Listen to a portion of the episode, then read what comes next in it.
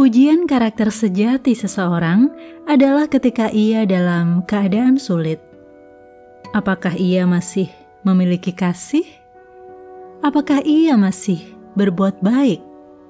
Apakah ia masih hidup dalam kebenaran? Jika tidak, sesungguhnya yang nampak saat kehidupan berjalan normal adalah pencitraan atau masih kanak-kanak, belum dewasa, belum matang butuh proses memang. Berapa lamanya bergantung dari kesungguhan hati untuk belajar dan berubah menjadi lebih baik tentunya.